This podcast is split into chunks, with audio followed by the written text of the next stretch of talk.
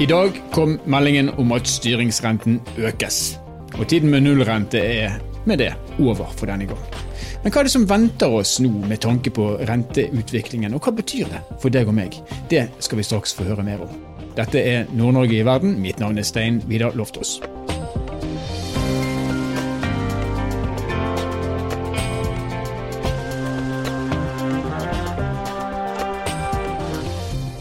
Om litt så skal vi snakke med Linda Tofteng Eliassen. Hun er forbrukerøkonom, og hun har de gode rådene for hva man kan gjøre når utgiftene da kanskje kommer til å øke etter hvert som renten på boliglånet øker. Men nå. Styringsrenten er altså på vei opp, i hvert fall hvis, hvis vi skal tro på ekspertene. Og en av de ekspertene, det er deg, Jon Kristoffersen. Du er direktør for kapitalmarkedet i Sparebank1 Nord-Norge. Velkommen til oss. Jo, takk skal du ha, Simen. Hyggelig, hyggelig å være her igjen. Du, vi går bare rett på. Hvorfor går renten opp? Nei, Nå går renta opp fordi egentlig har vært lav eh, veldig lenge, og kanskje i overkant eh, lenge i, i mange land. Um, Norges Bank, i likhet med sentralbanker verden over, var tvunget til å sette ned renta når korona inntraff eh, i starten av 2020. Og som har vært uforandra og tilnærmet null over hele verden frem til nå. Og nå er da Norges Bank den første sentralbanken til å sette opp renta fra 0 til 0,25. Og Grunnen for at renta nå kommer opp igjen, det er fordi at eh, norsk økonomi har behov for det. Vi har vært i en lavkonjunktur, vi har vært i en, en krisesituasjon mm. som nå vi er på vei ut av, eh, og egentlig på vei rett inn i en høykonjunktur. Det som skjedde med korona, det var egentlig ikke en, en lavkonjunktur som sådan, det var en virusstopp. Mm. En virusstopp som ingen kunne ane hva utfallet var, men man kom, kom seg veldig greit gjennom, økonomisk sett iallfall. Så nå er det på høy tid å sette opp renta igjen. Men, men, men, du sier innledningsvis at de var nødt til å sette ned renten når pandemien kom. Hvorfor var de nødt til å sette ned renten når pandemien kom? Ja, det er klart, Akkurat da så sto man overfor en veldig uoversiktlig situasjon. Mm. Hele verden stengte ned simultant. Eh, sentralbanker rundt oss satte ned renta veldig, veldig kjapt og, og, helt ned til null. Norges Bank hang jo litt eh, igjen og holdt litt etter, men, men man var også tvunget til å sette ned renta når de andre gjør. Eh, litt av kjøpekraftsforskjeller og valutakurser. Men òg fordi at Norge hadde behov for det. Eh, norske bedrifter trengte den stimulien en lav rente eller null rente gir. Eh, mange husholdninger der man kunne bli permittert. Man kunne bli kanskje avskjediga helt. Man trengte, man trengte lav rente for å stimulere økonomien til å på en måte holde hjulene i gang. Så det var helt rett at Norges Bank satte ned renta. Vi skal komme tilbake igjen til, til, mer detaljer rundt dette her, Jon. Men eh, det som har skjedd i dag, det er jo at sentralbanken har satt opp den såkalte styringsrenten. Og bare sånn at vi har med oss hele bildet, hva er egentlig en styringsrente for noe? Så Styringsrenta er egentlig kort fortalt Norges Bank sitt virkemiddel for å stabilisere prisveksten og norsk økonomi. Det er deres viktigste våpen for, for å gjøre det. Eh, så Styringsrenta det sier jo noe om forventninger om, om, økonomisk vekst fremover, og selvfølgelig et øyeblikksbilde av, av hva, hvordan økonomien går nå. Og Styringsrenta er jo Norges Bank sitt våpen som sagt, for å opprettholde eller nå målet om en, eh, et prisvekst, et inflasjonsmål på 2 som, som Norges Bank styrer etter. Det er på en måte det som er ønska for norsk økonomi, at det var en, en vedvarende lav eh, prisvekst på 2 og Da er på en måte styringsrenta det viktigste våpenet sentralbanken kan bruke for å, for å justere det her. Så, så når på en måte oppsvinget i økonomien skjer, så er man nødt til å sette opp renta for å demme litt opp om det oppsvinget, så ikke prisveksten rett og slett blir for høy. Men, men, er det sånn å forstå, for det, altså Man snakker om at de setter opp en rente, og da er det jo naturlig å tenke at det er noen som har lånt penger hos sentralbanken. Er det sånn at bankene, som veldig ofte følger på når, når sentralbanken gjør endringer, låner de pengene sine hos sentralbanken, som de så låner ut til deg og meg når vi skal kjøpe oss eh, hus? Ja, Det er et veldig godt spørsmål, egentlig. Eh, og Spørsmålet er nei. Eh, norske banker låner ikke hos sentralbanken. Det er kun i krisesituasjoner at det kan skje. Når, når korona inntraff, så stiller Norges Bank opp med sånne kriselån, F-lån som jeg kaller det for, der norske banker kan låne. Men norske banker de låner penger hos innskyterne, som har innskudd hos bankene, og i fremmedkapitalmarkedet, altså det obligasjonsmarkedet. Ja. Og Renta i obligasjonsmarkedet det blir styrt av tre måneders Nibor, som ligger i bunn. Og tre måneders Nibor da, det er på en måte den, den interbankrenta vi har i Norge, den, den risikofrie renta som banker låner penger seg imellom. Ikke mot sentralbanken, men, men, norske banker låner penger på tre måneders Nibor seg imellom. Mm. Så tre måneders Nibor er altså en funksjon av styringsrenta med det påslaget som norske banker mener at risikofri rente skal, eller risikofri lån skal være. Men det er mer, altså, Man er opptrådt egentlig litt sånn lojalt i forhold til sentralbanken. rett og slett, og Så sier man at Nibor påvirkes. Når signalet fra sentralbanken kommer om en økt styringsrente, så vil det altså direkte innvirke også på måten man setter Nibor-renten på. Det er sånn å forstå? Ja da, altså det er klart Når, når styringsrenta øker, så vil også Nibor øke. og Det vil egentlig innlånskostnadene til bankene øke på samme måte. Ja. Eh, sånn at Banker er nødt til å sette opp renta når, eh, når styringsrenta øker, ellers vil det gå utover marginen på, til bankene. rett og slett, For innlånskostnaden stiger én til én egentlig på, på styringsrenta. Ja. Eh, og så vet vi at sentralbanken de, også, de, opererer med noe de kaller for en rentebane. der de på en måte sier hva de tror om utviklingen i styringsrenten fremover. Og Nå kom dette første hoppet. Det var også meldt for mange måneder siden at de, de trodde at september var, var måneden for det. Hva kan vi vente oss nå fremover? Ja, det er helt rett. Eh, septemberhoppet i dag det var ingen, eh, ingen spesiell overraskelse. Eh, det var, det var prisa inn og egentlig annonsert klart fra, fra Norges Bank. Så er det store spenninga hva man kan forvente fremover. Og Der er det jo prisa inn relativt mange renteøkninger, sånn som rentebanen er i dag. Allerede i desember så tror jeg nok vi må belage oss på at neste renteøkning kommer. Så Styringsrenta skal økes opp til en halv prosent. Og gjennom 2022 så, så ligger det inne nå to til tre renteøkninger til, og enda to i 2024. Så, så dagens rentebane indikerer styringsrente mellom 1,5 og 1,75 i løpet av noen få år? Ja, i løpet av utgangen av 2024, så, så egentlig to, toårsperioder. Mm. Så eh, seks-syv eh, renteøkninger er det som nå prises inn. da. Og da er vi tilbake på et nivå som man kan si er mer sånn normalt, og som gjenspeiler et, et, et, virusfritt samfunn, hvis man kan bruke et sånt begrep? Ja, da er vi tilbake til uh, styringsrenta var 1,5% før korona inntraff. Mm. som vi må huske historisk sett er veldig lavt i utgangspunktet.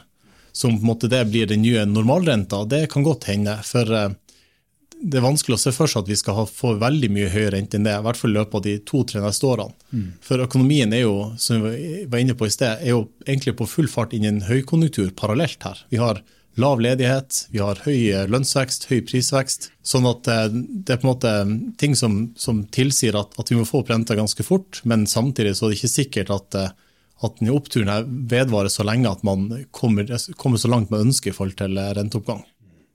Men hvis du, hvis du, snur deg og ser bakover, Jon. Eh, du, du, har sagt det, og vi har påpekt det allerede to ganger, at det var nødvendig at renten ble satt ned når pandemien kom. Og så vet vi at eh, mange bedrifter de slet og, og hadde behov for dette. Mange, eh, også privatpersoner, slet og hadde behov for å få redusert sine, sine utgifter. Men for mange av oss som beholdt jobben, og som til alt overmål fikk mindre å bruke penger på fordi at restauranter var stengt, man kunne ikke reise på ferie til utlandet osv., fikk jo plutselig en økt, reelt sett en økt kjøpekraft. Kan vi si noe om hva det har ført til? Jeg tenker spesielt på boligmarkedet, selvfølgelig. Mm. Ja, nei, det er helt rett. Um, som følge av at de fleste klarte å holde seg i jobb eller få, få stønadsordningen gjennom norsk stat og Nav, så gjør at de aller fleste beholdt en eller annen form for inntekt, og de fleste beholdt den vanlige inntekten de hadde. Kombinert med, med lave rente, mindre penger å bruke på reiser, restauranter og sånne ting, så har det jo ført til eh, en voldsom vekst i boligprisene og i hytteprisene. I tillegg til litt andre typer som forbruksvarer, som sportsting og båter og supper og sånne der ting. Mm. Utrolig mye man har brukt på det. Og, og, det er jo en ting som Norges Bank klart er oppmerksom på nå, eh, og kanskje en av grunnene for at man setter opp eh, styringsrenta raskere enn de andre bankene. Det er fordi at boligprisutviklinga og gjeldsoppbygginga i Norge begynner å bli på nytt igjen faretruende. Mm. Kan vi forvente at uh, med disse her hoppene som nå er prisa inn i, i rentebanen, at boligprisene da vil synke igjen, eller? Ja, Det er jo tu tusenkronespørsmål, da. Um, det er i hvert fall en klar forventning om at det vil kunne uh, stagge boligprisveksten. Det er jo det som på en måte er, er målet. Et av målene, men det er klart er det noe Norges Bank ser på. Så er det jo sånn at som vi er inne på at boligrentene fortsatt de er veldig lave i Norge, og det er ikke et tegn på at de skal bli kjempehøye igjen. Så det er klart, det, det er litt eh, det, det spørs da, en del førstegangskjøpere som alle har opplevd eh, boliglånsøkning før. Der vil dere merke på kjøpekrafta, men for dem som har vært i boligmarkedet i mange år, jeg tror ikke de blir nødvendig veldig påvirka av at renta stiger 1,5% altså. Så noe sånn bolig, stort boligprisfall som følge av renteøkninga, det tror jeg ikke vi klarer å, å se. Og det ligger jo ikke inne i prognosene heller, eh, når man ser hva, hva man forventer. Selv når renta, renta, skal opp, så er det jo forventning om en boligprisvekst på en borti 5 eh, år over år fremover. Tusen takk for at du kunne være med oss, Jon Kristoffersen, direktør for kapitalmarkedet i Sparebank1 Nord-Norge. Bare hyggelig.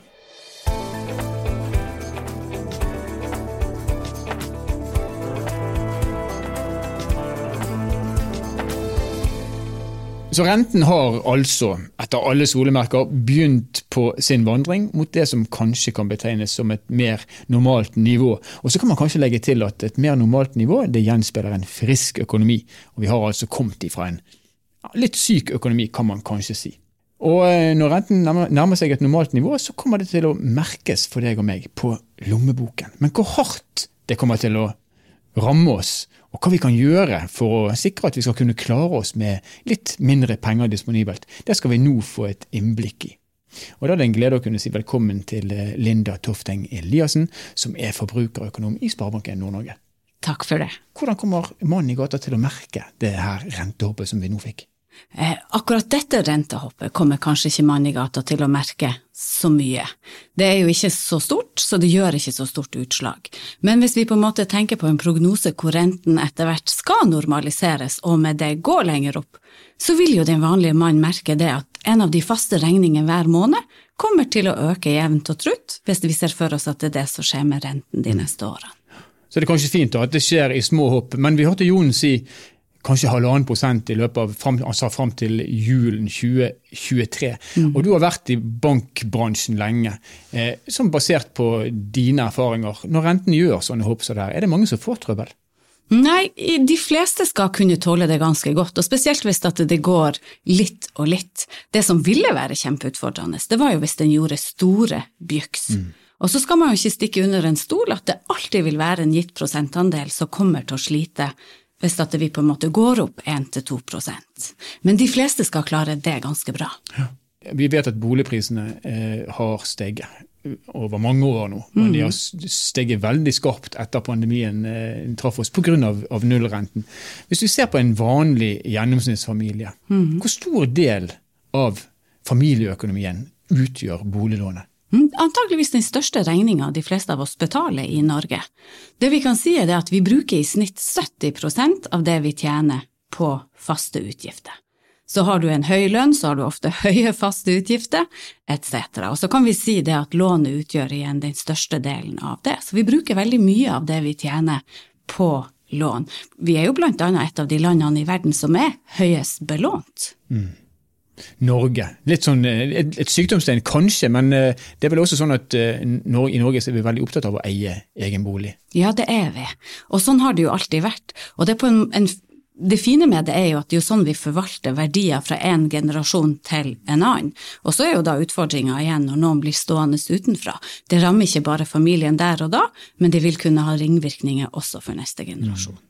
Men Linda, du sier at eh, når renteøkningen kommer i små hopp, så, så er ikke det, det er ikke så kjempeskummelt. Eh, men hvis vi snakker om 1,5 så er det mange som kommer til å merke det tungt, sier du. Men så vet jo jeg at dere som gir disse boliglånene, dere stresstester jo kunden sin økonomi før at kunden får et lån. Og så vidt jeg vet, så beregner man at man skal tåle en renteøkning på så mye som 5% Det er riktig. Hvorfor får man da trøbbel med 1,5 og kanskje ja, ja, Du kan si det at det som skjer fra folk kanskje kommer inn på boligmarkedet, og vi stresstester at man har råd til det, det er jo at man erverver seg andre utgifter. Mm. Det ene er jo det at nå når renten er lav, så har man fått mer penger mellom hendene, og man har tillatt seg å gjøre flere ting. Jeg vet jo at de som selger biler, campingvogner, bobiler, båter, de siste årene har opplevd at veldig mange har vært unna og handla, og det er jo fordi at vi har råd til det. Ja. Men de pengene vi har handla for, er jo kanskje de samme pengene som vi har beregna at du skal tåle ja, på renteutgifter. Ja. I tillegg har vi det sånn at vi har hatt god råd lenge, og da har vi tillatt oss et ganske høyt forbruk i Norge. Og mye av det forbruket er dekka av at vi har økt boliggjelda vår til mer enn det den var for ti år siden. I tillegg har vi erverva oss en veldig stor andel forbruksgjeld. Så vi vet at fra folk har tatt lånet, og vi har beregna at men du har råd til 5 så er det veldig mange som har brukt mye av de pengene allerede. Ja. Vi vet at veldig mange unge spesielt har trøbbel med å komme seg inn på boligmarkedet. Mm. Fordi at boligprisene er så høye som, som det de er. Og spesielt i, i, i, vår landsdel, Tromsø og Bodø, mange som, som sliter med å, med å, finne sin første bolig og har råd til det. Når renten nå stiger, kommer det til å bli enda vanskeligere for de unge å komme seg inn på boligmarkedet i byene i Nord-Norge? Egentlig ikke den renteøkninga som vi kanskje ser for oss nå, for vi, vi, prater jo egentlig ikke om at vi skal få ei veldig høy rente, vi prater jo om at renten skal normaliseres. Ja og at det skal skje steg for steg. Det vil si det at når vi tar høyde for den rentebufferen i dag, at du skal tåle rentesvingninger, så er det som skjer det neste året, vil ikke påvirke det i stor grad. Nei. Tvert imot så kan det jo hende at det er noen som avventer å kjøpe eiendom, sånn at det faktisk blir færre på visning, og kanskje åpner det opp for at man kan få kjøpt en bolig der hvor man trodde man ikke klarte det tidligere. Så det kan òg være positivt mm. For den gruppa.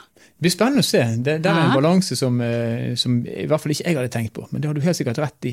Eh, nå er du forbrukerøkonom, og du har vært inne på egentlig sånn indirekte gode råd allerede. Ja. Sånn som man forventer av en forbrukerøkonom når, mm. når, man får en mikrofon foran seg. Men eh, nå, nå, går vi altså inn i en periode der vi må innstille oss på at tilstand, den økonomiske tilstanden blir mer normal, ja. og regningene kommer til å bli høyere når det gjelder eh, lånene dine. Hva er de gode rådene til mannen i gata, for å bruke det begrepet igjen, for å kunne takle dette? Mm. Det viktigste du må gjøre, er jo å bli trygg og å ha en plan. Jeg vet jo at matematisk så skal de fleste klare det. Og så ser vi, og sånn er det med økonomi generelt, at veldig mange kjører på denne motorveien, og så har man ikke, setter man seg ikke ned og har noen styremøter i den bedriften som en privatøkonomi er. Sånn at det første er vel kanskje at jeg ønsker at de fleste setter seg ned, de kan bruke ett minutt på å gå inn på en lånekalkulator, legge inn lånet sitt, og så kan de se ok, hvis jeg skal ta et enkelt eksempel. I dag har jeg fire millioner i lån, og jeg betaler to prosent rente. Hva skjer hvis renta blir 4 Ok, se her, da må jeg betale 21 000. Det er 3000 mer hver måned. Og så kan man jo snu seg, så kan man se, er det her penger som vi allerede setter på budsjettkontoen i dag?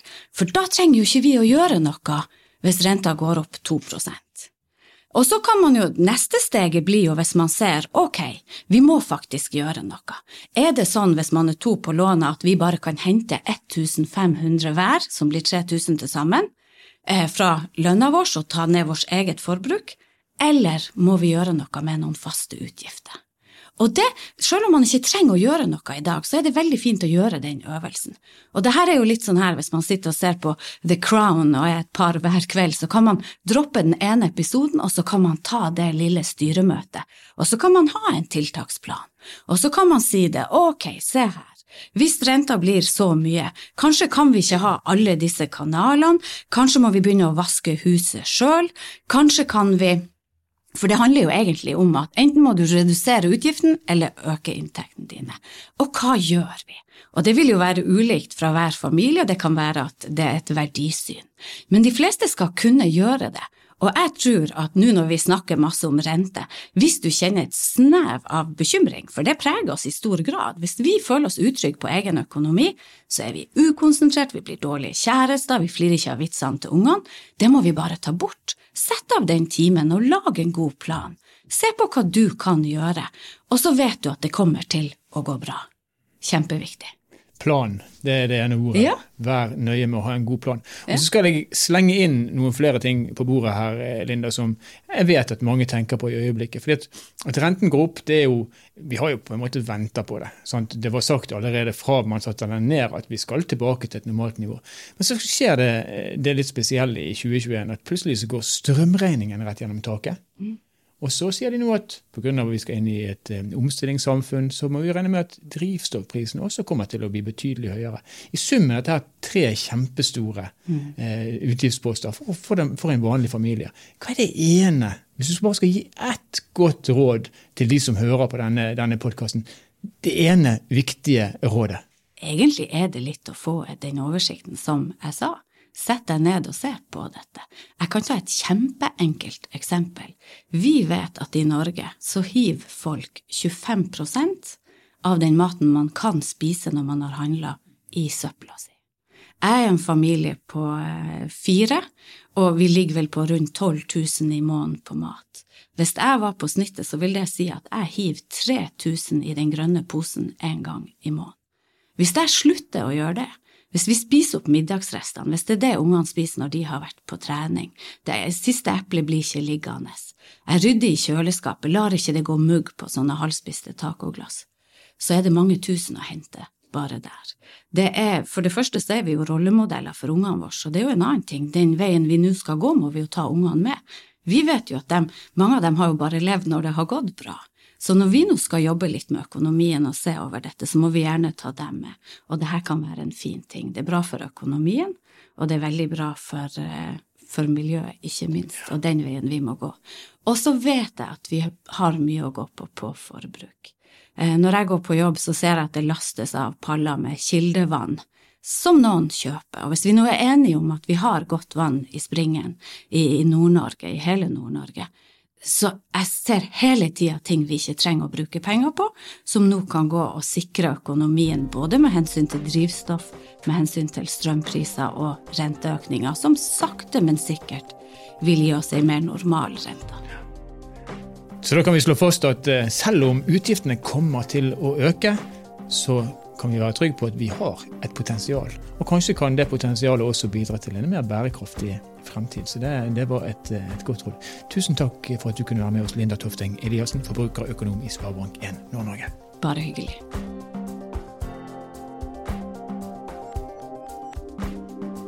Renten er altså begynt klatringen tilbake mot eh, ja, det som vi kanskje kan kalle et normalt nivå. Selv om de aller fleste av oss syns det har vært helt greit at renten har vært så lav som han har vært. Og så er det utfordrende kanskje for eh, de fleste familier når renten øker og samtidig strømprisene øker og drivstoffprisene øker. Men da er det veldig greit å høre på Linda Tofteng Eliassen som har gode, enkle råd. Vi har et potensial. Og det potensialet kan vi faktisk ta ut og samtidig bidra til å være bærekraftige. Og Så sier Jon Kristoffersen at uh, han tror på den rentebanen som Norges Bank har tegna. Det betyr at vi uh, innimot julen 2023 kanskje vil ha en rente som er om lag 1,5% høyere enn det han er i dag. Det vil bety noe for deg og meg, og det er greit at vi allerede nå begynner å forberede oss på det. Nord-Norge Verden er en podkastserie som er laga av Sparebank1 Nord-Norge i samarbeid med Helt Digital. Musikken du har hørt er laga av Emil Karlsen. Mitt navn er Stein Vidar Loftaas. Vi høres igjen i neste episode.